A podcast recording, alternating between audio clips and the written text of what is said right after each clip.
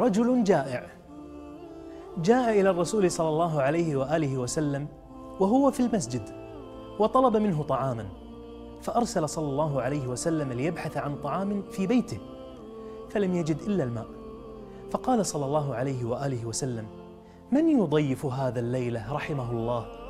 فقال رجل من الأنصار أنا يا رسول الله. وأخذ الضيف معه إلى بيته. ثم قال لامرأته هل عندك شيء؟ فقالت لا إلا قوت صبياني فلم يكن عندها إلا طعام يكفي أولادها الصغار.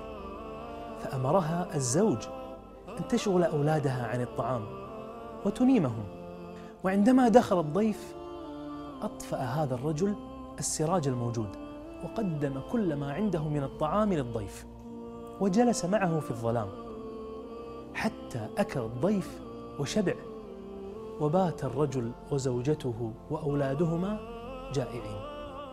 في الصباح ذهب الرجل وضيفه إلى النبي صلى الله عليه وآله وسلم فقال للرجل قد عجب الله من صنيعكما بضيفكما البارحة. وهنا نزل قوله تبارك وتعالى ويؤثرون على أنفسهم ولو كان بهم خصاصة. إنه العطاء.